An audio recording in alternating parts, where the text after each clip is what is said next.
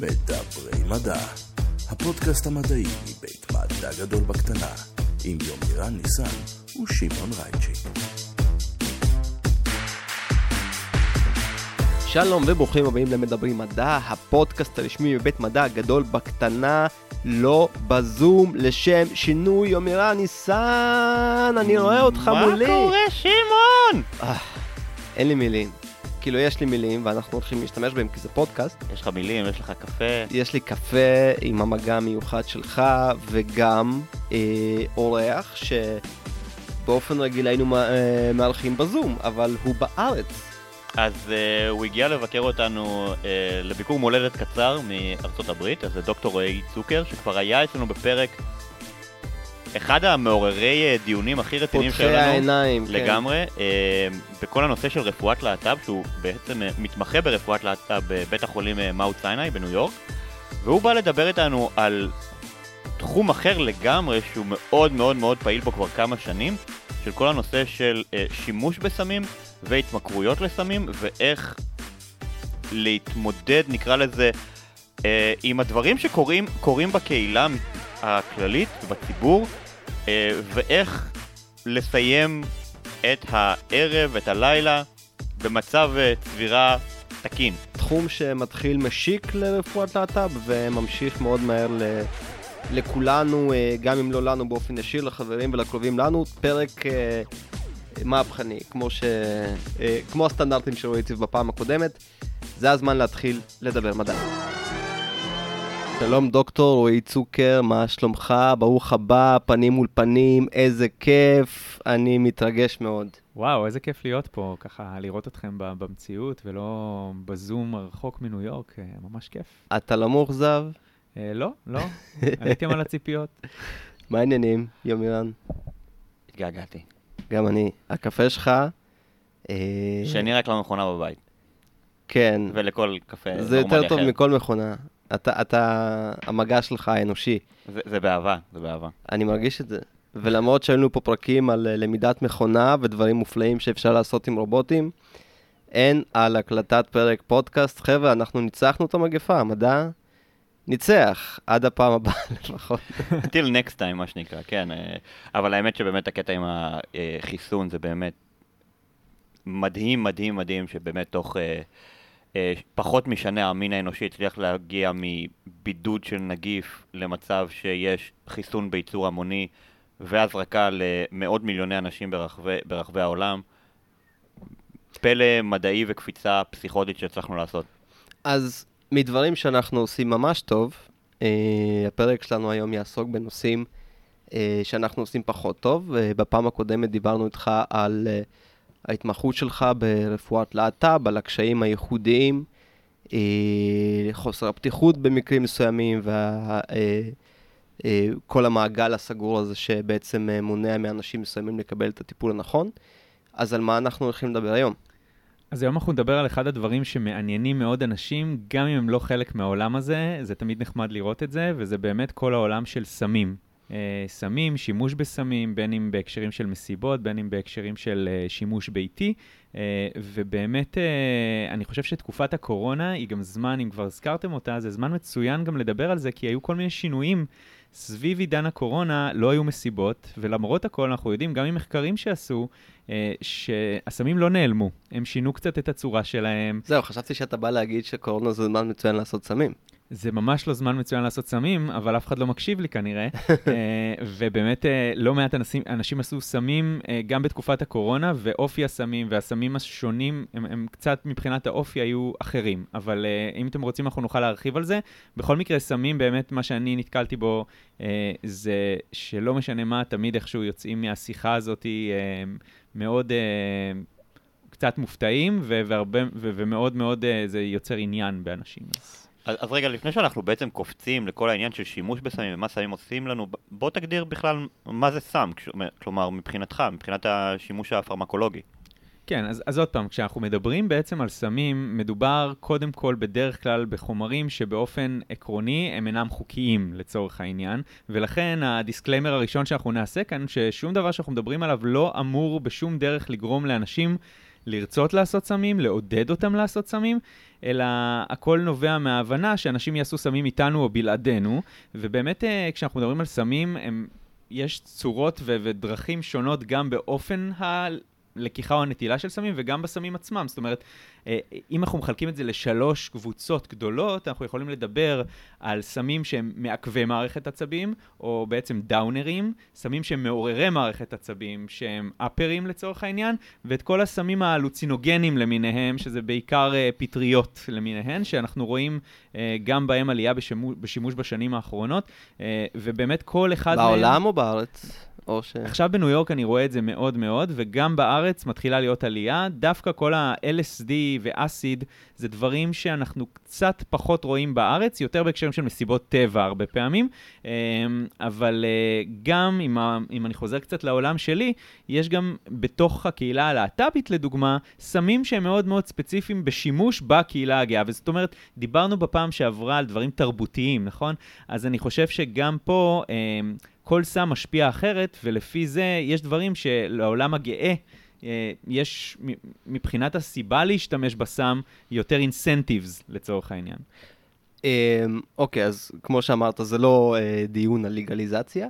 נכון. אמ, אבל אה, בואו נתעמק קצת בשלושת הסוגים. אנחנו ביומיום, אני מניח, רוב האנשים מכירים שמות של סמים, אבל אף אחד לא יודע בדיוק אולי לקטלג נכון. אה, מה כל קבוצה עושה, אה, מה הסיכונים.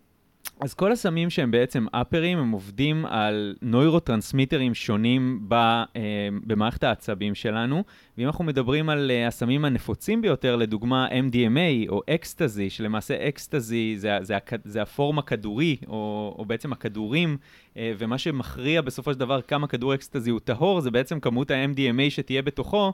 אבל צריך לזכור שבכדורי אקסטזי יש, מצאו היום מעל 100 חומרים שאפשר למצוא בתוך כדור אקסטזי, ולכן מאוד מאוד חשוב, ואני אדבר על זה בהמשך, אה, אה, להבין כמה חשוב אה, חוקים בסיסיים לדוגמה בשימוש באקסטזי. אז אקסטזי או MDMA ברובם עובדים בעצם על מערכת של סירוטונין.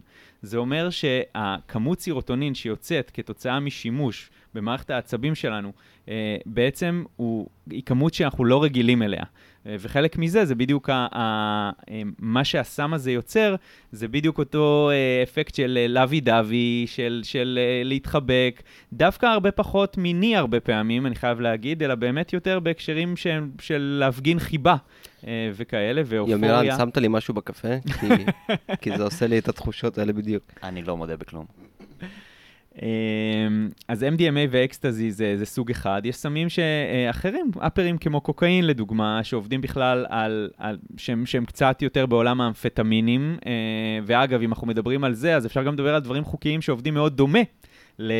לקוקאין או קוק, אה, שזה רטלין, לדוגמה. שזה בעצם סוג של נגזרת. לגמרי, אחד מהדברים שאנחנו רואים שעושים זה בהרגשה של אנשים לעשות uh, רטלין, זה הרבה יותר חוקי, ואנחנו רואים את השימוש ברטלין גם במסיבות היום, ממש בהסנפה. זאת אומרת, הדרך דרך בעצם לקיחה או הדרך uh, שימוש היא מאוד מאוד דומה uh, לקוקאין. אם אתה רוצה להיות מאוד מרוכז במה שקורה במסיבה. אז, אז יש הבדל קצת בין לבלוע כדור רטלין לבין להסניף אותו, בדרך שבה הוא עובר דרך המערכות שלנו, אה, ובאמת באפקט שלו, ובאמת האפקט בהסנפה, הרבה פעמים זה משהו שאנשים חווים כמשהו קצת, אה, קצת שונה. אה, ואם אנחנו מדברים אז באמת על, אה, עברנו לעניין הקוקאין, ואולי קצת אה, רטלין בהקשרים החוקיים יותר, אה, אז... לגמרי יש את כל עולם, העולם שהוא הקיצון. הקיצון הוא עולם הקריסטל מת. אה, קריסטל מת אמפטמין, שאנחנו מכירים את זה לצורך העניין כסם של אה, מקומות אה, נידחים, עניים, שלא היה להם כסף להרואין כזה, היום השימוש בקריסטלמט הפך להיות שימוש של אנשים שהם הכי היילי פונקשיונל, שלא תחלמו עליהם, אנשים שהם רופאים, עורכי דין, אה, ובאמת הסם הזה הוא אחד מהסמים, אם תשאלו אותי, כשאנחנו נדבר לא מעט על מזעור נזקים, זה תמיד מה שאני שם כגבול, הגבול האדום שלא חוצים אותו, כי למעשה אין סם דומה לקריסטלמט בהקשרים של רמות הדופמין. והאזורים במוח שהוא משפיע עליהם, שיכולים לגרום לך ממש להתמכר לקריסטל מת, ממש החל מהשימוש הראשון. אבל מה מיוחד? זה לא רק המינון. זה לא רק המינון, זה, זה, זה כמות הדופמין והאזור במוח, שהוא בדיוק האזור שאחראי על ההתמכרויות, שבו בעצם הסם הזה עובד. וזה משהו שהרבה פעמים נכנסים לעולם הזה של קריסטל מת בלי, בלי בכלל להבין מהו, ואז it's too late. זה מה שנקרא, זה סם הקלאסי של נגעת, נסעת.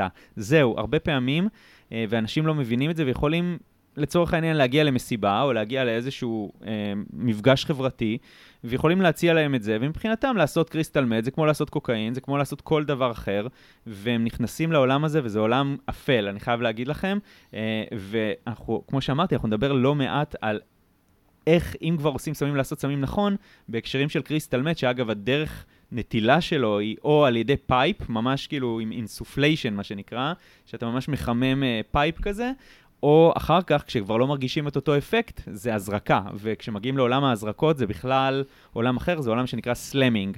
אה, ועולם ה crystal meth זה עולם באמת בפני עצמו של הרצאה של שעה, כי אין איבר בגוף בערך שלא נפגע מ crystal meth, אה, כולל המראה החיצוני, אבל לגמרי גם איברים פנימיים. אנחנו מכירים את ה...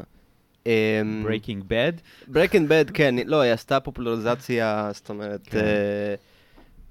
לצד מסוים, אני לא, לא כזה עקבתי אחרי. לא, אבל אנחנו דווקא התכוונתי לכל התמונות שלה לפני ואחרי, נכון. ו crystal meth תמיד מככב בתמונות זוועה של אנשים שאיבדו שיער, שיניים, שיניים. שנראים... Uh... על גבול האיבוד אה, צלם אנוש, זאת אומרת, כאילו, על גבול ממש כאילו כן. להפוך ל... למשהו ו... אחר.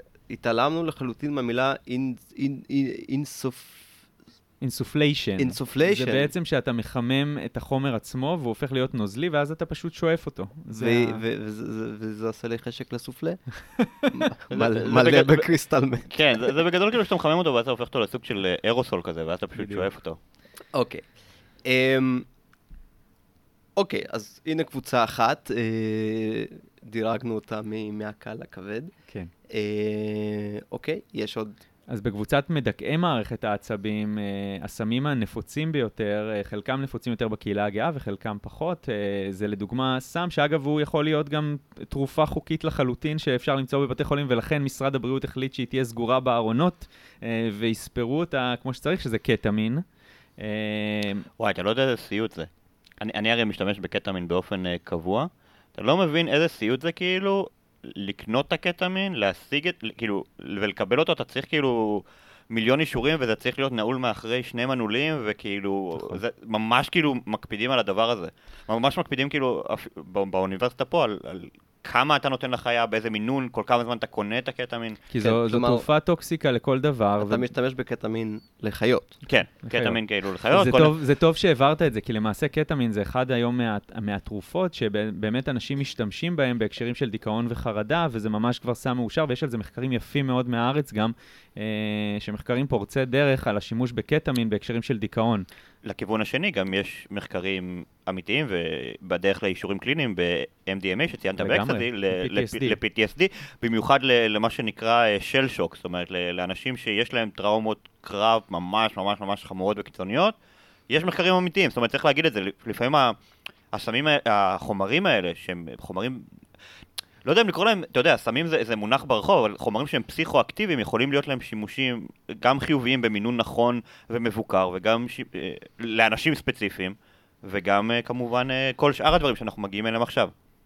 צריך לזכור שבעצם רוב הסמים שאנחנו קוראים להם סמים, והם לא חוקיים כביכול, אלה הדרך שבה הם התגלו בסופו של דבר. הרבה פעמים זה היה על ידי חברות תרופות, כמו מר, כמו חברות גדולות, שבסופו של דבר כתרופות אה, לירידה במשקל, כתרופות כסמי הרדמה, ובסופו של דבר הפסיקו את השימוש בהם, והוא הפך להיות שימוש שהוא יותר שימוש רחוב, בגלל אפקט שהוא היה אפקט אה, יותר אה, מצב רוחי, נקרא לזה ככה. קוקה קולה. קוקה קולה, בין היתר, כן. כן. ומה הפעולה של הקטמין? למה אתה משתמש? מה אתה עושה עם חיות? חומר הרדמה. חומר הרדמה?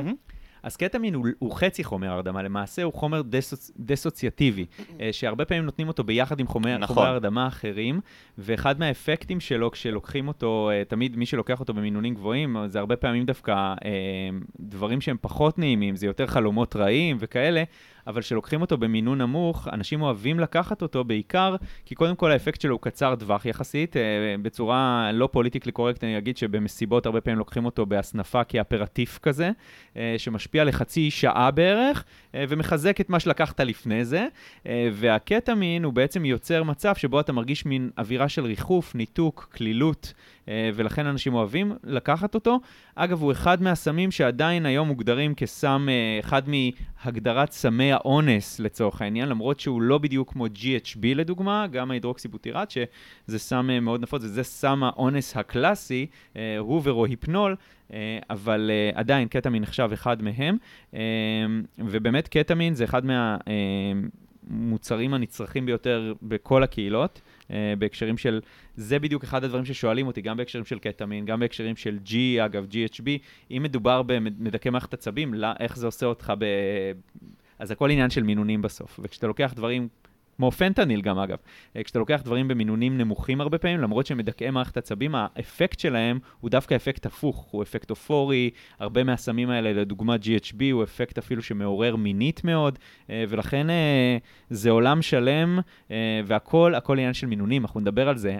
הדברים האלה נקבעים ממש לפי מינונים, ואם תיקח מינונים נכונים, אז תגיע לאפקט X, אם תיקח מינונים פחות נכונים, תגיע לאפקט Y שהרבה פעמים מסתיים בבית חולים. תגיד, ופר... אוקיי, פרט לסיכון לקחת אה, מינון לא נכון, אה, יש סכנות אה, לטווח ארוך לאנשים שעושים את זה באופן קבוע? אז גם פה זה מאוד תלוי בסם למעשה. Okay. אוקיי. אז בסמים שהם מדכאי מערכת עצבים, כמו GHB וכמו קטמין, בעצם האפקט שלהם הוא אפקט שהוא קורה כאן ועכשיו, ובדרך כלל ההשפעה היא פחות ארוכת טווח, לעומת סמים כמו MDMA, אקסטזי, שההשפעה שלהם יכולה גם, הרבה פעמים במחקרים מראים את ההשפעה שלושה חודשים אחרי. וואו. בהקשרים של כמות הסירוטונין שכבר, אתה בעצם מכלה את כל הסירוטונין מהגוף שלך, ולאט לאט צריך להחזיר אותו, אה, ו- ולכן האפקטים האלה הם אפקטים אה, כמובן אה, ארוכי טווח יותר. יש סמים כמו קריסטלמט לדוגמה, שאנחנו יודעים שהאפקט שלהם הוא גם אפקט על איברים ממש בגוף שלנו, על הלב, על הכבד, על כליות.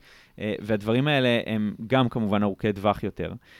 בחומרים כמו GHB, מדכא, שהוא מדכא אמנם אה, מערכת עצבים, אבל הוא, הוא יוצר איזשהו אפקט כזה, ש-G צריך לדעת אם אתה עושה אותו בכמות הנכונה, וכמות נכונה בדרך כלל היא בכל מנה משהו כמו 1 ל-2 מיליליטר, ולקחת בהפרש של לפחות שעתיים. האפקט של זה, רוב הסיכויים שגם יום אחרי אתה תרגיש בסדר. זה ברמה הזאתי שאתה, מבחינתך יום אחרי אתה קם וכלום לא קרה בלילה שלפני, לעומת אגב סמים כמו אקסטזי או MDMA שיכולים להפיל אותך אחרי זה ליום, ליומיים שלושה בבית, כי עוד פעם, לקחו ממך את כל הסירוטונין והיה כיף אתמול, אבל עכשיו אתה משלם את המחיר. אה, צריך גם להגיד בהקשר הזה שלגבי אה, אה, דברים שעושים נקרא לזה depletion, או שחרור נורא המוני, של אה, חומרים, סגנון סרוטונין, יכולה להיות השפעה מאוד אפילו קטלנית. אה, במיוחד אגב בקטע של התייבשות, אנשים בכלל לא חושבים על זה שהם מתייבשים בגלל שפתאום אין, יש להם depletion של הסרוטונין, ומה קורה, ורועי עוד מעט, עוד שנייה יסביר מה קורה. אז באמת אה, זה, זה פחות הסירוטונין, אלא שבעצם סמים כמו MDMA ואקסטזי, הם בעצם אה, משפיעים בעצם על האזור שאחראי על מנגנון הצמא אצלנו. ואחד מהסכנות הכי גדולות ב-MDMA ואקסטזי זה בעצם הגעה למצב של שתיית יתר, אתה נעשה יותר צמא ואתה בעצם שותה המון מים במהלך המסיבה. אגב, זו אחת הסיבות שמים עולים כל כך הרבה במסיבות היום. אתה תמצא בקבוקי מים ב-20 שקל בערך, כי אנשים עושים פחות אלכוהול, אז המועדונים פחות יכולים להרוויח על זה, אבל מים זה מה שכולם רוצים. ו- ומים מאוד מאוד יקרים. אמ, ובאמת אה, בהקשר הזה של... אה, של בעצם MDMA ואקסטזי, כל האפקט, אה, מצד אחד הוא אפקט של עניין מנגנון המים, אבל מצד שני הוא גם אפקט המלחים, ויש מצב שנקרא היפונטרמיה, או בעצם נתרן נמוך, ורמות הנתרן שלך יכולות להגיע לרמות כל כך נמוכות, שזה גורם ממש לבצקת מוחית, וזה אחד מהסיבות הכי נפוצות להגיע בגלל שימוש לא נכון ב-MDMA או אקסטזי אה, לבית חולים, זה בעצם בצקת מוחית כתוצאה מהיפונטרמיה, כתוצאה מרמת נתרן נמוכה אה, בגוף שלנו, אה, וזה משהו שצריך אה, ממש אה, לשים לב אליו. אחד מהדברים שאני תמיד מדגיש אה, בהקשרים של מזעור נזקים, זה באמת כל העולם של כדורי אלקטרוליטים אגב, ומים או, או נוזלים שהם נוזלים שמכילים אלקטרוליטים מראש, אז החוקים הבסיסיים בעצם, אם אנחנו כבר קופצים לשם, זה בעצם אף פעם לא לשתות יותר מדי ולא פחות מדי. החוק אומר חצי ליטר בשעה. Uh, מנגנון הגוף שלנו מבחינת חום וקור הוא גם מאוד מאוד משתנה בגלל MDMA, ואחד מהחוקים הבסיסיים זה כל שעה לעשות 10 דקות הפסקה בחוץ, לקחת את החברים, קצת להתאוורר ולחזור למסיבה או למקום ההומה שאתה נמצא בו, uh, ובאמת uh, בהקשרים האלה חשוב להקפיד על הדברים האלה. ונשאר לנו עוד קבוצה אחת של סמים שלא דיברנו עליה. נכון, הלוצינוגנים בעצם. אה, אה, דוגמת LSD או אסיד, אלה סמים שבכלל לא עובדים על מערכת העצבים שלנו לצורך העניין. אה, הם פחות נפוצים בארץ, והאפקט שלהם, אגב, אלה לא סמים שבהגדרתם הם סמים ממכרים. יש סמים שהם מוגדרים כממכרים פיזיולוגית, כמו קריסטל מת לדוגמה, שמאוד ממכר פיזיולוגית, אלה סמים שההשפעה שלהם בדרך כלל היא לא ממכרת ו- וגורמת לך לרצות עוד, ובאמת האפקט שלהם הוא אפקט יותר הזייתי, הוא אפקט שבדרך כלל אוהבים להשתמש בו בהקשרים של מסיבות טבע. בחוץ, והרבה פעמים בדיוק בגלל שאתה רואה דברים אחרת, זה, זה עניינים כאלה שזה קצת משחק לך במוח, אה, אבל מבחינת הסכנות, דווקא מהבחינה הזאתי, אה, יש סכנות, זה לא שאין סכנות ב-LSD ואסיד, אבל כשמסתכלים על, על הסכנות של זה לעומת הסכנות של קטמין וכו', זה הרבה פחות. אה, או GHB או קריסטל מת. אה, בהקשר הזה צריך להיזהר בדרך כלל דווקא מדברים כמו שאתה לא שולט במה שאתה עושה. אז טראומות, תאונות, דברים כאלה, דברים שקורים הרבה הרבה יותר סביב השימוש בהלוצינוגנים. אני שמעתי על uh, תופעות של נזק, uh, פסיכ... זאת אומרת, נזק מוחי קבוע כלשהו בעקבות שימוש. כבד יחסית. אז אנחנו רואים גם את זה, אגב, במריחואנה, אפילו, בדברים הכי פשוטים. זה נורא נורא תלוי. מה שצריך לזכור, שהחוק הבסיסי אומר שכל גוף הוא שונה לגמרי. אתה תשתמש, יהיה לך בסדר, מישהו אחר ישתמש, יהיה לו הרבה פחות בסדר, והרבה פעמים סמים מוציאים מאיתנו משהו שכבר קיים ויש לו איזשהו טריגר, והסמים מוציאים את הטריגר הזה. זאת אומרת, הרבה פעמים אנחנו רואים אה, התחלה של סכיזופרניה או דברים כאלה, סביב שימוש בסמים, אבל אף אחד לא יודע להוכיח שכנראה הסכיזופרניה הזו לא הייתה מגיעה בשלב כלשהו, ולכן אתה היית מועד לפורענות יותר בהקשרים האלה. אז... אה... אמ, אמרת רק אה, אה, שסמים על... אה... שגורמים להזיות לא פועלים על מערכת העצבים. משהו, משהו לא מסתדר לי שם. זאת אומרת, משהו שגורם להזיות לא פועל על מערכת העצבים. נכון, כי זה לא עובד, כשהתכוונתי למערכת העצבים, התכוונתי יותר למערכת הנוירוטרנסמיטרית שלנו. Okay. אוקיי. זה פחות עובד על עולם הנוירוטרנסמיטרים לצורך העניין, לזה התכוונתי. אה, ובאמת אה, ההתעסקות בארץ היא קצת פחות, האמת, זה יוצא שקצת פחות עם LSD ואסיד. זה, אני מניח שזה גם יעלה עם השנים, אגב. Mm-hmm. כי אני רואה שזה הטרנד בארצות הברית. אתה אומר כל דבר חוצה את האטלנטי מתישהו. לגמרי, חמש שנים אחרי. אוקיי, אז הכרנו את... אה, אה, את הקבוצות העיקריות בעצם. את הקבוצות העיקריות. אה, דיברנו קצת על הסכנות. איך מתמודדים? זאת אומרת, אני מניח שכשאתה פוגש אנשים, הם כבר אחרי. הם לא היו שם לקבל עצה, הם באו כדי לטפל בבעיה. אז לאו דווקא, זאת אומרת, אה, איך התחלתי בכלל להתעסק עם זה? כשישבתי לי במרפאה, וזה היה בהקשרים בדרך כלל של הקהילה הגאה, אבל אחר כך גם זה התרחב ליותר ויותר אה, קהלים, זה התחיל מתוך המקום שהרגשתי שמטופלים לא מרגישים מספיק פתוח לדבר עם הרופאים שלהם בצורה פתוחה על השימוש בסמים שלהם. וכשאתה עושה דבר כזה, בעצם אתה מפספס הזדמנות לדבר עם המטופלים על דברים אחרים. כי תחשבו על אותו בן אדם שמשתמש עכשיו ב-MDMA או אקסטזי, זה משחרר לו רמות סירוטונין מטורפות, ותוך כדי הוא לוקח טיפול די נפוץ בארץ, כמו SSRIs, בסדר? ציפרלקס, כמו ש, שכמעט במים בישראל, נכון? ו... ו כנראה ש... ישראל ב, ב, לא בקטע מפתיע, היא אחת המשתמשות הכבדות ביותר ב, בעולם המערבי, ב, נקרא לזה אה, חומרים אה, אנטי-דיכאוניים, חרדתיים, אה, נכון, לא, למרות שלא מזמן... SSRI, SNRI, כל החומרים בסגנון הזה. למרות שלא מזמן יצאנו אחת המדינות הכי שמחות בעולם. יכול להיות שזו הסיבה. אני, ברגע שראיתי את זה אמרתי כאילו, זו כנראה הסיבה. אנחנו גם צורכים אה, בחירות פעם בארבע שנים. פעם בארבע שנים. פעם ב... פעם בחצי שנה. בארבעה חודשים. פעם בכן. אתה מתכוון ארבע פעמים בשנה אולי, כן. יותר הגיוני, כן. אה, אז זהו, אז, אז בהקשר הזה, מה ששמתי לב זה קודם כל האנשים שכן עושים סמים, הרבה פעמים אחד, אחד מהעניינים הוא שהם לא יודעים מתי להגדיר את השימוש שלהם כבעיה. זאת אומרת, כל פעם אתה עולה שלב בשימוש שלך, אתה יכול להגיע למצבי קיצון, להגיד, זהו, זהו, אני לא אעשה יותר, אני לא אגע בזה יותר, עוברים כמה ימים, ואתה חוזר לשוחה ואומר, אין לי בעיה. זאת אומרת, הפעם הגזמתי. אה, והגזמתי והגזמתי והגזמתי, ואף פעם אתה לא תקרא לזה בעיה באמת. אה, ו... תחשבו על זה שאני תמיד, אני משווה את זה בתור רופא מטפל לדברים כמו אה, מישהו שמן שבא אליך ותגיד לו, אם הוא יגיד לך, אני רוצה לדבר איתך על הסמים שאני עושה, אם בתור רופא אתה תגיד לו לא, זה כמו מישהו שמן שיבוא אליך, תגיד לו, תסתום את הפה, תפסיק לאכול, או מישהו סוכרתי, שתגיד לו, אז מה הבעיה, תפסיק לאכול סוכר, מה, זה, זה הכי פשוט בעולם, נכון? אבל אנחנו כולנו יודעים שזה לא יקרה, ולמרות הכל, הבן אדם ימשיך להשתמש, אז הרבה פעמים זה פותר אותנו כמטפלים או כרופאים מהרצון להבין את העולם הזה, או הרצון לדעת עליו משהו, אבל זו כנראה לא הדרך מבחינתי הנכונה להתנהל עם זה. הדרך הנכונה להתנהל עם זה זה דווקא להכיר את החומרים האלה ולתת לאנשים האלה את החוקים הבסיסיים של איך לעשות דברים, אם, אם הם כבר עושים, אנחנו אומרים, אנחנו לא ממליצים שתעשו, אבל אם כבר אתם עושים, בואו נלמד אתכם איך לעשות את זה יותר נכון. ומה הכללים הבסיסיים שאתם יכולים בסופו של דבר לסיים את הערב שלכם או את הלילה שלכם בשלום ולא בבית חולים. והדבר הזה יוצר שיח מאוד מאוד טוב גם עם מטופלים, כי הם מרגישים כל כך פתוחים לדבר איתך גם על נושאים אחרים ועל דברים אחרים, ואתה גם נמצא שם בשבילם, ואתה יודע בדיוק איזה תרופות הם לוקחים, והרבה פעמים תרופות קבועות, זאת אומרת, ואתה יודע לעשות את ההתאמות, וזה באמת רצון להבין בעולם הזה.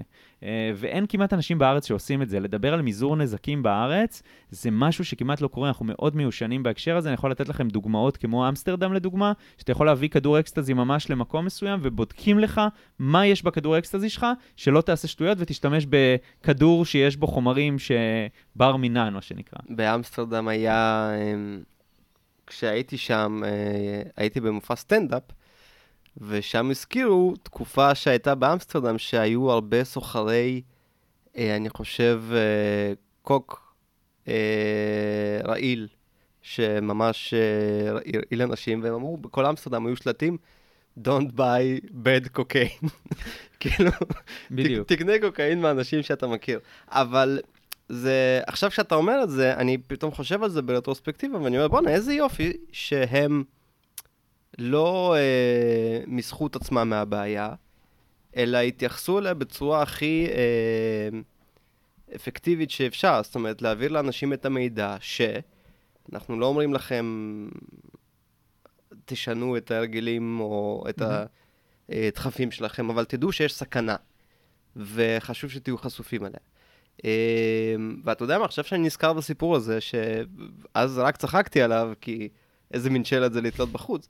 פתאום אני מבין שאולי זה שלט מצוין לתלות בחוץ, אם כבר המצב נוצר. זה, זה כמו, אתה יודע, שאתה שומע הרבה, אבל שוב, זה, אני פחות, שוב, אני, אני פחות נכנס כרגע לנתונים, אה, אלא יותר אה, לגבי אה, כל העניין הזה שהיה בארצות הברית, של להגיד לבני נוער להימנע מיחסי מין, מאשר ללמד אותם, במיוחד באזורים יותר שמרניים, ללמד, ללמד אותם חינוך מיני בצורה טובה, יעילה, בטוחה, ש... שיכירו ושיהיו מודעים למה קורה בגוף שלהם, פשוט אמרו להם, תימנעו.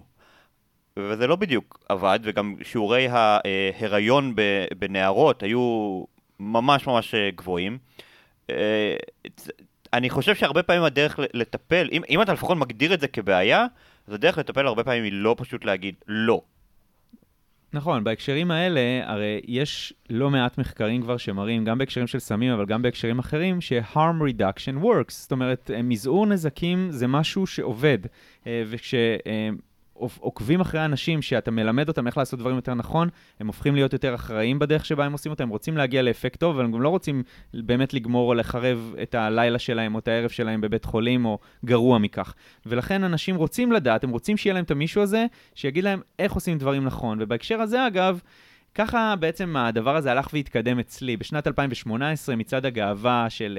Uh, של תל אביב, אה, כשבשנת 2017 אה, פרופסור פיני הלפרין, מנהל מיון איכילוב, בעצם כתב פוסט מאוד מוכר אחרי זה, שהיה בפייסבוק, של הגיעו מעל 60 איש במקביל עם overdosing סביב המסיבות של מצעד הגאווה, תפסיקו לעשות סמים, תעשו חיים, תהנו, אבל די לעשות סמים, כאילו כזה.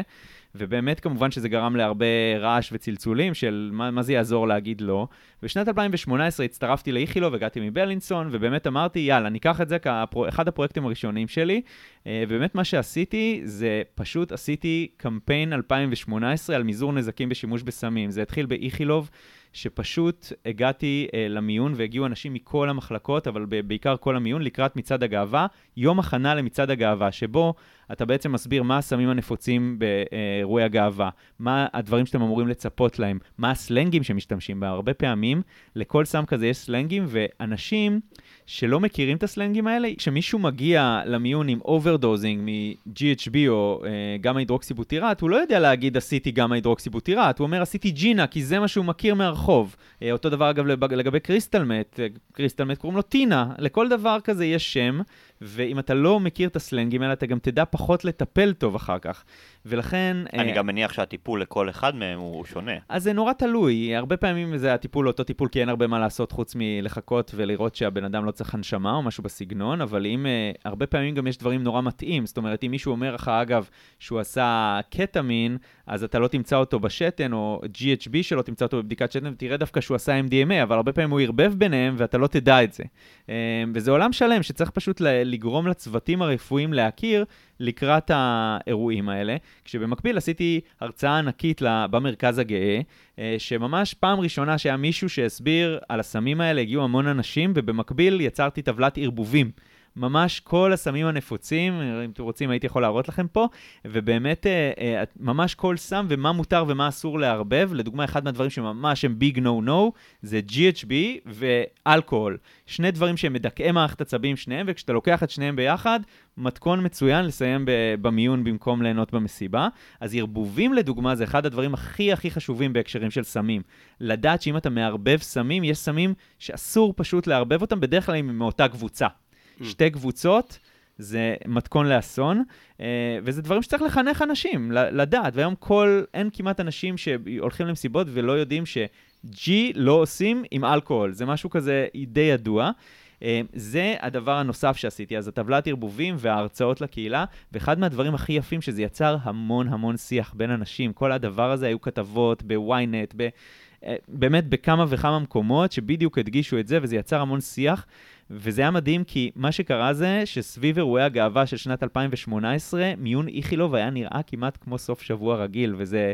זה קצת, אז אני אפילו הופתעתי מה, מהמספר הזה, אבל משהו קרה בשנה הזאת, ולא קרה הרבה חוץ ממה שעשינו, אה, ובגלל זה זה יצר המון המון אה, באז סביב הנושא הזה, אה, ומשם זה הלך והתקדם להרבה דברים אחרים שעשיתי, שהם בעיקר עם רשויות החוק, וזה אחד הדברים הכי מעניינים לדבר עליהם לדעתי.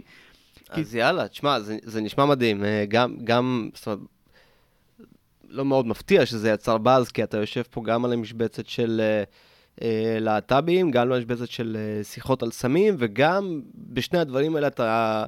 רופא. מח... אתה, גם, אתה רופא, אבל אתה גם מחדש גישה, ואתה בכלל אומר, בואו לא נדבר על זה כעל משהו שאסור לדבר עליו, אלא בואו נדבר על זה מנקודת מבט מבינה, שזה, ש, של הבנה, שזה תמיד, תמיד, תמיד, תמיד יוצר...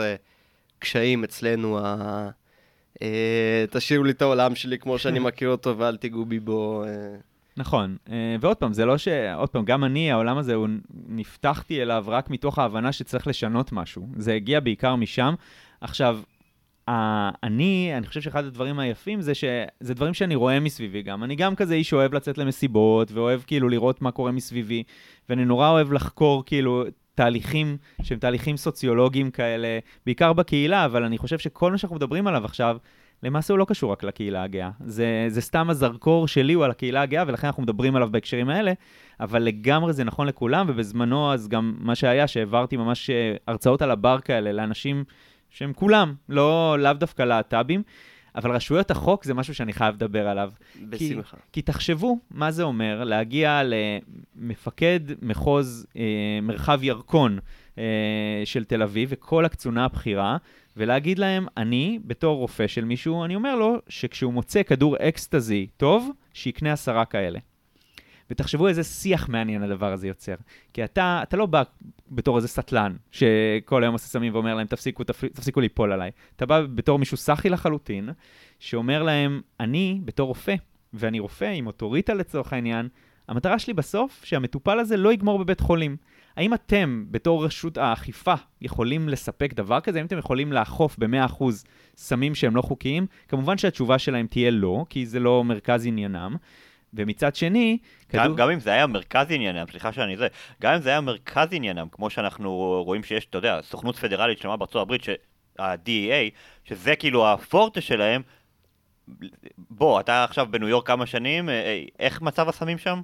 מצב הסמים שם לא משתפר, זה החלק מהעניין, וה-DEA באמת המטרה שלו יותר למצוא סוחרים, הם לא בדיוק רצים אחרי המשתמשים בדיוק. הבודדים, אה, ולכן המשטרה לא באמת יכולה לאכוף ב-100% את הדבר הזה, זה אחד. דבר שני, למה אני בעצם אומר את זה? כי כדורי אקסטזי, כמו שהסברתי לכם מקודם, כל כדור אקסטזי זה עולם ומלואו, ואם תקנה, אחד מהדברים, אמרת את זה מקודם בהקשרים לקוק או לקוקאין באמסטרדם, אז תמיד אחד מהחוקים הבסיסיים זה דילרים אמינים, אנשים שכבר היית איתם בקשר, שקנית מהם ואתה יודע, אה, או הרבה פעמים מה שאני אומר זה כאילו לעשות קצת ניסויים על בעלי חיים נקרא לזה ככה, בצחוק כמובן, אבל תמיד טוב להשתמש בכדור אקסטזי שאתה יודע שהוא היה בסדר למישהו אחר.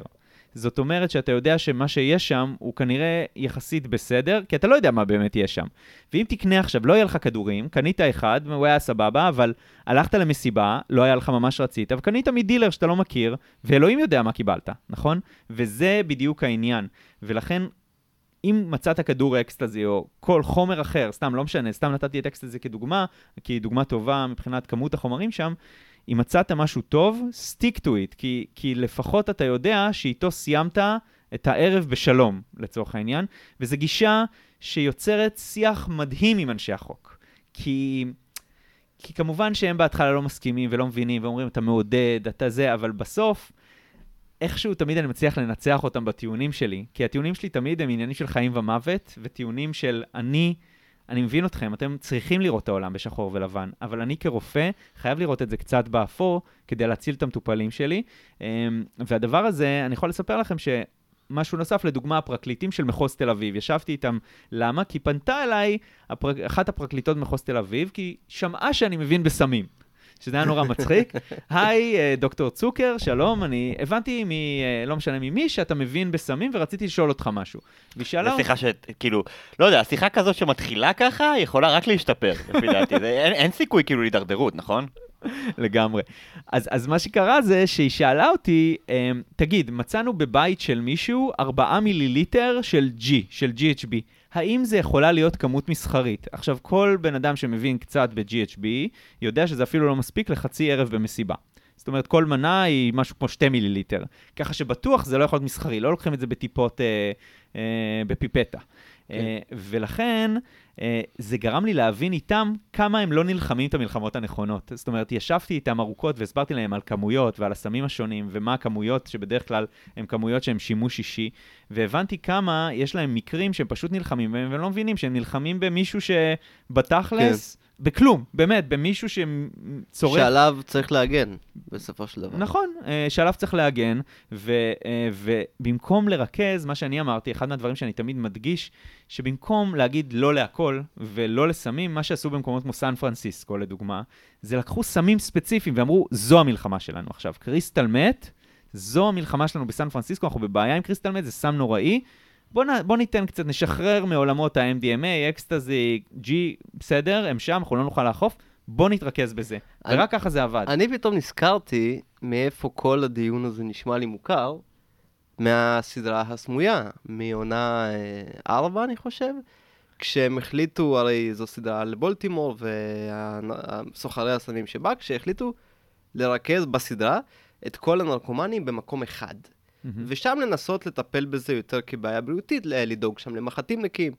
ואז כשקראתי קצת את האינפו, הסדרה הרי היא מאוד מושפעת מהמציאות. Mm-hmm. האנשים שכתבו אותה הם uh, שוטרים ועיתונאי פשע בבולטימור. Uh, היה ראש עיר שניסה לטפל, לא היה מפורט בדיוק איך, אבל בבעיית הסמים בעיר כבעיה רפואית. זאת אומרת, לנסות לגשת לאנשים כאנשים שסובלים ממחלה, ולא כאנשים שעוברים על החוק כי כן. שם, שם הרווח שלהם. ובאמת, אגב, הזכרת את הסמויה, אז יש כמובן גם את uh, נרקוס, שזה כאילו מכיוון אחר. Uh, שם זה יותר לקוקאין ומריחואנה, תלוי באיזה עונה אתם. אה, שמע, זה מדהים כמה סדרות מופת יצאו על, כן, על הדבר מקס, הזה. מקסיקניות בעיקר. כן. אוקיי. אגב, אני, אולי אני עוד משהו uh, בהקשר הזה, שבאמת דיברת על uh, לשים, uh, השתמשת במילה נרקומנים. כן. עכשיו, המילה נרקומנים היא מאוד בעייתית בפני עצמה, כי למעשה מי הם נרקומנים?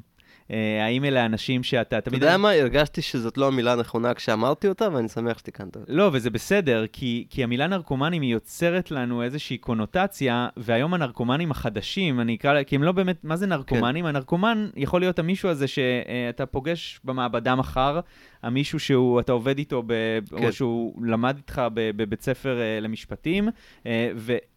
היום סמים הפכו להיות נחלת הכלל, צריך להבין את זה. והמערכת לא בנויה טוב כדי לטפל באנשים כאלה. אחת מהבעיות במדינת ישראל בכלל, אנחנו נמצאים מאחורה בעניין הזה, זה איך מטפלים באנשים האלה, איך תטפל במישהו שהוא ביום יום רופא, ביום יום עורך דין, ולא מתאים לו עכשיו שיתייחסו אליו כמו אה, ג'אנקי שהומלס מתל אביב. אני משתמש בכוונה במילים קיצוניות. אה, כי הדרך שבה אתה צריך לפנות לאנשים האלה צריכה להיות שונה לגמרי. והדבר הזה הוא לא קורה, והרבה פעמים אנחנו מפספסים הזדמנויות אה, בלגרום להם להיגמל כמו שצריך, רק בגלל שאנחנו מתייחסים לכולם אותו דבר, גם לכל הסמים אותו דבר הרבה פעמים, וגם לאנשים בצורה מאוד מאוד דומה. כאילו מקום של, של גמילה, יש מקומות ספציפיים שהם קצת יותר לאנשים היילי פונקשיונל בארץ, כמו הווילה בהרצליה או כאלה, אבל המקומות האלה הם כל כך, כל כך גם... אה, אה, המס... המקום שלך, כאילו אין, קשה למצוא שם מקום, זה דבר אחד. כן. ודבר שני, אה, עוד פעם, ה... יש פה עניין מאוד מאוד בעייתי אה, בהקשרים של, שהם כלכליים וכו', זה, זה עולם שלם שבאמת אה, אני, אני נלחם איתו כל יום כמעט. אז איך אתה בעצם, אה, גם אה, כרופא אה, וגם כמישהו ש, שמעורה בתחום, לא רק בקהילה, איך אתה בעצם, אה, מה שנקרא, go about it, איך, איך אתה אה, מתמודד עם זה? זאת אומרת, האם זה רק בן אדם שבא אליך ואז זה בן אדם פרטני, או שצריך פה מש, איזושהי מניפה יותר גדולה? כמו שאתה אומר, זה לצורך העניין מיליונים, סתם אני זורק מספר, כן? אז אם תשימו לב, גם כשדיברנו על רפואת להט"ב, אחד הדברים שמעניינים אותי בדרך כלל יותר, זה יותר להסתכל על דברים בראייה רחבה. זאת אומרת, כל העולם המקרואי ובעולם של prevention. ואני מאוד מאוד מאמין בעולם של, זאת אומרת, של להקדים תרופה למכה. כשאנשים כבר מתמכרים, אני לא פסיכיאטר, ומאוד קשה למצוא אגב פסיכיאטרים בעיר, אה, או בארץ בכלל, שמתעסקים בזה בצורה ממש ממש טובה, יש כמה, אה, ובאמת אה, אני במקום של ה... לפני שהגעת למצב של ההתמכרות, של לדבר איתך על איך לא להגיע למקומות האלה, איך לעשות דברים יותר נכון, וברגע שכבר הגעת לשלב שאתה ממש במצ... במקום של התמכרות, בדרך כלל זה המקום שבו אני אומר, זה הזמן לחבר אותך לפסיכיאטרים שאני מכיר, למקומות שמתעסקים בזה בצורה קבועה. אני פחות מנסה להיכנס לעולם הזה, כי הוא לא עולמי בצורה רשמית. יש דברים שאני עושה כמובן, ואני מנסה לעזור כמה שאני יכול, אבל זה בעיקר בהרצאות לציבור, בלהעלות מודעות, אה, ובעולמות האלה, שלדעתי הם, הם היום כל העולם של הרפואה הולך ל-prevention, זאת אומרת, שם העתיד. אם הזכרתי מקודם את העניין גם של טין uh, פרגנסי, הריון בנערות, uh, האם אתה חושב שגם הנושא הזה צריך להיות מוצף מגילאים יותר צעירים, זאת אומרת גילאי תיכון, uh, אזור הצבא, דברים בסגנון הזה? אז כמו תמיד, זה נושאים תמיד שהם כאלה מורכבים, כי תמיד זה הבלנס הזה בין לעודד לבין לדבר. ו- ותמיד יש את הוויכוחים האלה, וזה ויכוחים שיימשכו לעד. מה הדבר הנכון לעשות? האם אתה לא מעודד כשאתה מדבר על משהו בגיל צעיר או במצב מוקדם יחסית? האם אתה לא מעודד? בעולם הסמים, לדוגמה, תמיד אומרים לי, כאילו אני מרגיש שהרבה פעמים זה סוג של מחיר שאני מוכן לשלם, כי יכול להיות שיש את הבן אדם הזה שכל הזמן חשב, רגע, אני אשתמש באקסטזי, אני לא אשתמש באקסטזי. ואולי אתה נתת לו כזה את הפוש האחרון, כי הוא שמע ממך על זה, שאתה מדבר על זה בצורה הגיונית, נכון? וזה כאילו סוג של מחיר שאתה מוכן לשלם למען הכלל, ו- וכנראה שאותו בן אדם, אם זה לא היית אתה, שנה אחרי, משהו היה גורם לזה לקרות, כי זה היה איפשהו טבוע בו הרצון לנסות את זה.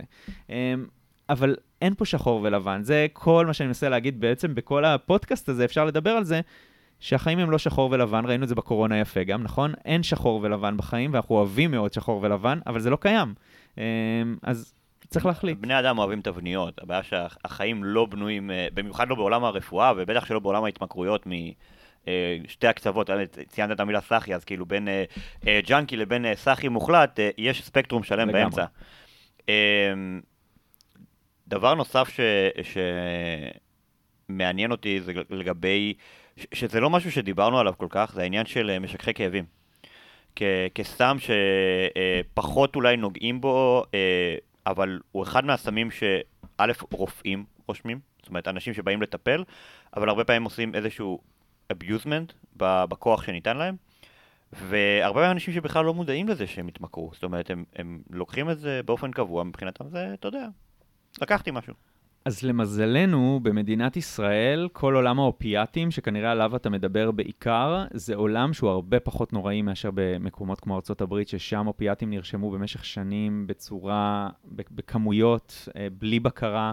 בארץ אנחנו בתור רופאים מאוד מאוד לא אה, נותנים בקלות תרופות כמו פרקוסט או תרופות כמו אה, אוקסיקוד, אה, אבל זה עדיין קורה כמובן, אה, ולכן בארץ אמנם זה פחות בעייתי, אבל גם את זה, זה תהליך שאנחנו כנראה באיזשהו שלב כן נראה. זה באמת, אלה אחת מה... זה באמת סמים לכל דבר, כשאתה לוקח אותם אתה לגמרי גם מתמכר להרגשה שהם נותנים לך, כמו מורפיום סטייל, או כמו פנטניל, שאגב, פנטניל לדוגמה, זה כן קורה, אנחנו רואים לא מעט, בעיקר דווקא לא באנשים שהם highly functional, אלא אנשים שאתה uh, יכול למצוא כזה uh, בדרך כלל uh, ממצב, מ-low סוציו-אקונומיקל, זאת אומרת ממצב סוציו-אקונומי נמוך, uh, שימוש במדבקות פנטניל לדוגמה, uh, שהרבה פעמים נגנבות מכל מיני מקומות, ושימוש בהם uh, עוד פעם, כ- כסם לכל דבר, הרבה פעמים זה מתחיל מתוך המקום של כאב, ואתה רוצה להרגיש טוב, וזה מתקדם למקומות האלה שאתה הופך להיות מאוד מאוד תלוי באופיאטים. זה כדורים או, או סמים בעצם לכל דבר, אה, ו- וזה משהו שחשוב לזכור, ולכן תמיד גם יש את השאלה הזאת, מה עדיף, לתת למישהו אופיאטים או לתת לו מריחואנה רפואית לצורך העניין, נכון? אה, או, או דברים אחרים שנשמעים כאילו על גבול החוקי לא חוקי, אבל אופיאטים... זה אסון, זה אחת האפידמיות הגדולות ביותר בארצות הברית של, של, של בעצם המאה ה-21. אנחנו... מה בעצם הנזקים? אז, אז בעצם הנזקים זה, זה קודם כל התמכרות שבסופו של דבר יכולה לגרום אה, אה, גם לאפקט CNS, זאת אומרת לאפקט של מערכת עצבים, אה, לפגוע במערכת העצבים שלנו, וגם, אה, אתה יודע, באיברים שונים בגוף, כבד, לב, כל הדברים האלה הם דברים שנפגעים, זאת אומרת, בסופו של דבר, אה, ו... ועוד פעם, שימו, אנחנו מדברים על שימוש כרוני, אם דיברנו מקודם על משהו מסיבה, נגמר, הלך, פה זה אנשים שצריכים את זה כל כן. כמה שעות. וכמו כל תרופה, לכל תרופה יש את התופעות לוואי שלה, וכשאתה מתמכר אליה, אתה צריך אותה כל הזמן. יש לי uh, שתי שאלות. אחת, uh, הבטחת שתדבר על uh, כללים או על עצות טובות לאנשים שיודעים uh, שבסופו של דבר הם uh, יהיו במסיבות ויצרכו סמים. אה, מה לעשות. ושאלה שנייה, אני אשאל כבר עכשיו, ואולי תגלוש לשם פשוט.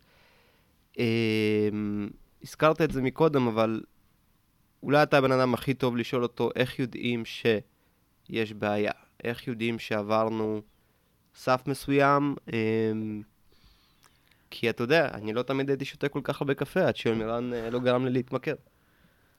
סתם, אחד... זה שקר, הייתי שותה המון גם לפני זה. התשובה הכי טובה לזה, אגב, משהו שאני שמתי לב עליו ביום-יום, והתשובה היא טובה לשתי השאלות שלך, זה תמיד להתחיל עם חברים. כשחברים מסביבך אומרים לך שנראה להם שהגזמת, סימן שיש לך בעיה. והרבה פעמים אנחנו לא רואים את זה, אנחנו, אנחנו אומרים לחברים שלנו, לא, הכל בסדר, נכון? אבל הרבה פעמים הם רואים, כי הם, הם מכירים אותך הכי טוב, הם יודעים איך אתה ביומיום, והם יודעים מתי עברת שלב. והרבה פעמים להקשיב להם מאוד מאוד חשוב. ולמה אני אומר שזה עונה לשתי תשובות בעצם לשתי, לשתי השאלות שלך? כי גם בהקשרים של חוקים בסיסיים, אחד מהדברים זה, שאני תמיד מדגיש, זה תהיו חברים אחד של השני, תשמרו אחד על השני. הרבה פעמים זה יוצר, כשאתה יוצר ערבות הדדית, הרבה פעמים זה מה שגורם לך להגזים פחות בעצמך. אמ, וזה, אגב, מוביל אותנו, מוביל אותי באמת לאחד מהפרויקטים שאני הכי אוהב לדבר עליהם, שהוא uh, אחד מהדברים שבאמת uh, בהקשרים של מזעור נזקים מאוד חשוב, שזה פרויקט שנקרא Party Keepers. זה קורס עזרה ראשונה שיזמתי עם מגן דוד אדום, אגב, באותה שנה, ב-2018, מאז כבר בדיוק עכשיו, uh, אני מקווה שהמאמר שאנחנו הוצאנו על זה יפורסם, שמדבר בעצם על זה שראיתי שבמרפאה הרבה פעמים אנשים אומרים, חבר שלי נפל לידי ולא ידעתי מה לעשות. זאת אומרת, דברים בסיסיים, זאת אומרת, אתה מרגיש חסר אונים, והמילה חסר אונים הייתה מילה שכל הזמן חזרה על עצמה. ואז uh, פניתי למגן דוד אדום, היה לי שם איזשהו רקע בתור ילד מד"א כזה בצעירותי, אחרי זה גם בזמן הקורונה הרי uh, חזרתי למד"א לתקופה, uh, לנהל את מוקדי הקורונה, ובאמת, ובאמת הקמתי קורס עם מגן דוד אדום, שנקרא פארטי קיפרס. זה קורס של ארבע שעות, שכל כולו מדבר על, מתחיל לדבר קצת על סמים, מה הסמים הבסיסיים שאנשים עושים, אבל בעיקר מה מצבי הקיצון שאתה יכול להגיע אליהם בגלל השימוש בסמים, ומה אתה בתור חבר שנמצא ליד יכול לעשות בלי להזיק. זאת אומרת, אנחנו לא מלמדים אנשים לעשות שם ניסויים בגלל שהם חושבים שמישהו אה, אין לו דופק באמצע מסיבה רועשת, ברור שאתה לא תרגיש, אלא לדוגמה, כשאתה משתמש ב-G, לדוגמה, במסיבה, אחד מהדברים הכי נפוצים למוות בגללו, זה, זה בעצם שאיפות של ההקאות של עצמך, לצורך העניין, אספירציה, מה שנקרא. ומשהו שיכול להציל חיים בקלות, זה לשים מישהו בפוזיציה מסוימת, מה שנקרא recovery position. לשים על הצד. בדיוק, זה על הצד בצורה מסוימת, אפשר לראות את זה בכל uh, תמונה בגוגל או ביוטיוב, וזה ממש פעולה קטנה שיכולה להציל חיים, ובטוח עד שמגיע צוות רפואי אחר. אבל אנחנו מדברים שם באמת על הכל, גם על הרבה פעמים סביב שימוש בסמים, יש לנו מצב של היפוגליקמיה, שהרבה פעמים משהו מתוק יכול באמת להעיר מישהו, וזהו, בזה זה נגמר, וזו הבעיה שלו הרבה פעמים. או uh, לדבר על כל העולם של נתרן ו- וכל העולם של מלחים, ואיך לקחת נכון מבחינת אל- אלקטרוליטרית, וגם כשמישהו יגיע למצבי קיצון, מה אפשר לתת לו ומה אסור לתת לו. Uh, וכל הדברים האלה, עכשיו הקורס הזה הוא... יצא מדהים בעיקר כי בסוף הוא יצר קבוצה של אנשים, שקראנו לה פארטי קיפרס, אה, שבעצם יצרה קבוצה, יצרנו קבוצת וואטסאפ, שכל מי שעשה את הקורס פארטי קיפרס נכנס לתוכה, וכל פעם שהם יוצאים למסיבה, היי, מי יוצא היום ל... ואז הם מתקשרים אחד עם השני, וכשקורה משהו במסיבה, הם גם נמצאים שם כדי לעזור ו- ולעזור גם אחד לשני, וזה יצר מין קבוצה כזו של אנשים וזה היה מדהים בעיניי לראות את, ה, את התהליך הזה, אמ, ובאמת אה, עכשיו אנחנו באמת, אני מנסה להעביר את זה הלאה למקומות אחרים, כי לא, כי כשאני חיפשתי ממש לפחות... ממש ארגון ההצלה של הקלאברים. זה ממש, זה, זה, וזה יצא ככה בתור יוזמה קטנה, אבל מאז כבר עברנו כמה קורסים, זה הלך והשתכלל, אנחנו עושים רענונים, זאת אומרת, זה ממש הפך להיות משהו כזה אה, שאין לו, אגב, כשאני חיפשתי, אין לו כל כך אח ורע. במקומות אחרים בעולם, שזה נורא הפתיע אותי. שמע, אתה מבין? אנחנו הבאנו את רועי פעם קודמת כדי לדבר רק על הדבר המהפכני הזה שהוא עשה עם המסלול אה, להט"ב. ואנחנו מבינים אותו שוב ומבינים שבדרך הוא גם עשה, אה, אה, יזם תוכנית עם רשויות החוק, יזם תוכנית עם מד"א, אה, יצר קהילות שמטפלות ודואגות לבריאות הציבור. אה, מה, מה, מה, איך אפשר לשחרר בן אדם כזה לטבע ולך תדע מה הוא יעשה עד הפרק הבא. יש לי חסרונות, אני מבטיח לכם.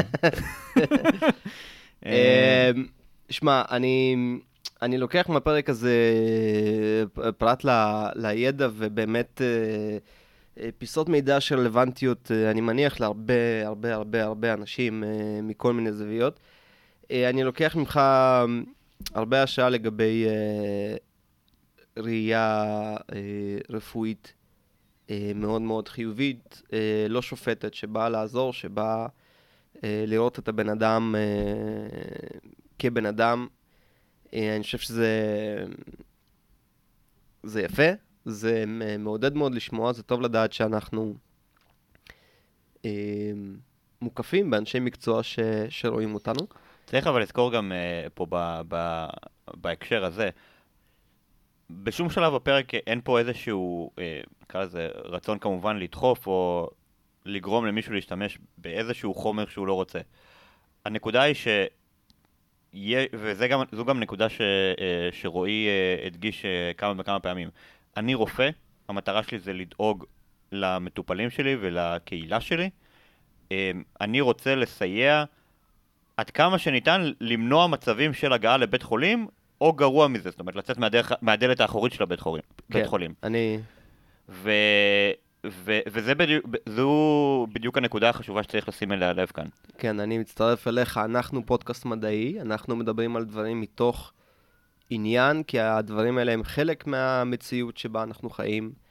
אה, אי אפשר לברוח מזה. אה, אה, עם זאת, אנחנו מקווים שהפודקאסט הזה גם... יעודד אנשים לקחת אחריות, להבין את הסכנות, אה, אולי לעזור לאנשים אחרים שנמצאים בסביבתכם אה, ויש להם בעיה. אה, שמעתם גם טיפ טוב לכך שהחברים הם תמיד האנשים שלהם אנחנו פונים עם הדברים האלה.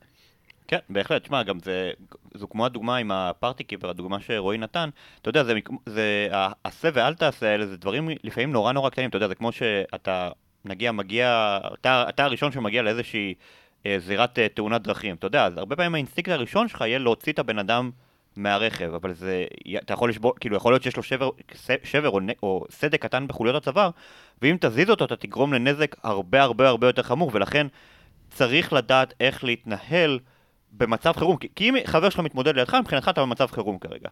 ואתה צריך לדעת איך להגיב. זה כוח. נכון.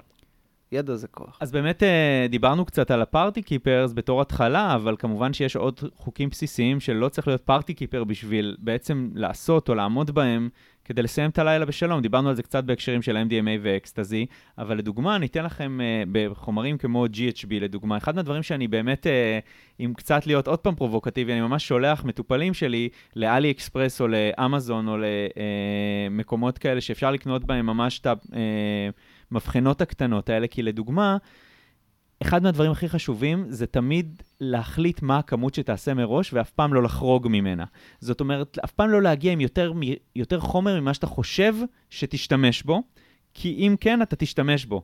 זמנים הרבה פעמים מאוד מאוד קשה לשמור עליהם במסיבה, אתה מאבד את חוש הזמן שלך, והרבה פעמים אנשים מצלמים, עושים כזה מין אה, אה, סקרין, אה, אה, סקרין שוט כזה ש, של השעה כדי לזכור מתי הם עשו. אה, גם אגב, בהקשר הזה, יש איזו אפליקציה שחבר הקים כדי באמת לעקוב אחרי הזמנים, וואו. קוראים לה ווטר טיים, כן.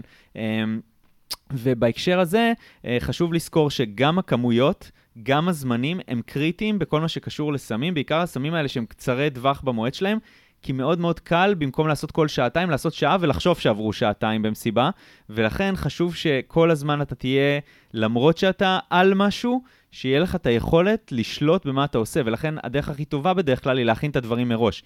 אם אתה יודע, ו- ו- ולא באת עם בקבוק גדול יחסית, אתה אומר, אה, זה נראה לי 2 מיליליטר, ואז כאילו אתה סיימת עם 4 מיליליטר, אה, זו בעיה. אם הכנת מבחנות של 2 מיליליטר והגעת איתה מראש עם 4 כאלה וידעת לעמוד בזמנים, אתה תסיים כנראה את הלילה בשלום. וזה בדיוק ההבדל בין לגמור את הלילה רע ללגמור את הלילה בטוב, אה, וזה משהו שחשוב להדגיש. ובאמת, אם, זה, זה סתם, נותן לכם באמת אנקדוטות קטנות, בכל סם יש את האנקדוטות שלו, שיגרמו לך כנראה לסיים את הלילה בשלום אם תעמוד בתנאים האלה, אה, ו- ובאמת אה, תהיה עקבי. אה, וכמו שאני אומר תמיד, ובהקשרים לסיכום שלכם, אני תמיד מדגיש, Don't do it, but if you do it, do it right. זה, ה- זה, זה המוטו בדרך כלל, וזה משהו שבאמת אני שמתי לב בשנים האחרונות, שהוא עובד, הוא פשוט עובד והוא עוזר להרבה אנשים. אה, ולכן אני שמח כל הזמן לדבר עליו, למרות שהרבה פעמים, גם בתור רופא, תחשבו, זה מבחינתי היה קל מאוד לא לגעת בנושאים האלה, זה נושאים שהם יכולים ליצור פרובוקציות, הם יכולים לשאול אנשים, אתה מחלק טבלאות ערבובים, מה המשמעות של זה?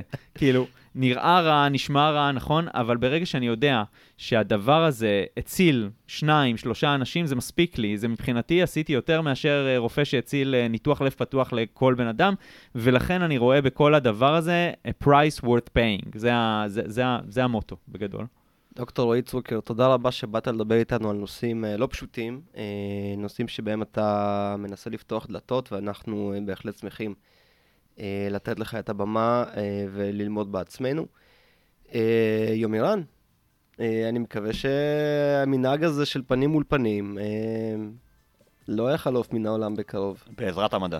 בעזרת המדע. אנחנו מאוד שמחים להגיש לכם את הפרק ה... לא זומי הזה, אחרי תקופה מאוד ארוכה. מדהים, מדהים, אני, אני, אני אור ברווז. אני גם.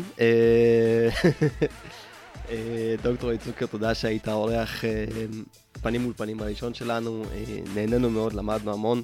תודה לכם, המאזינים שלנו, הפרק הבא מתבשל, ובינתיים אתם מוזמנים ליצור איתנו קשר בכל המדיות החברתיות הזמינות, וכאלה שעדיין לא הומצאו אפילו. אנחנו היינו מדברים מדע, הפודקאסט המדעי מבית מדע גדול בקטנה. עד הפעם הבאה, ביי ביי.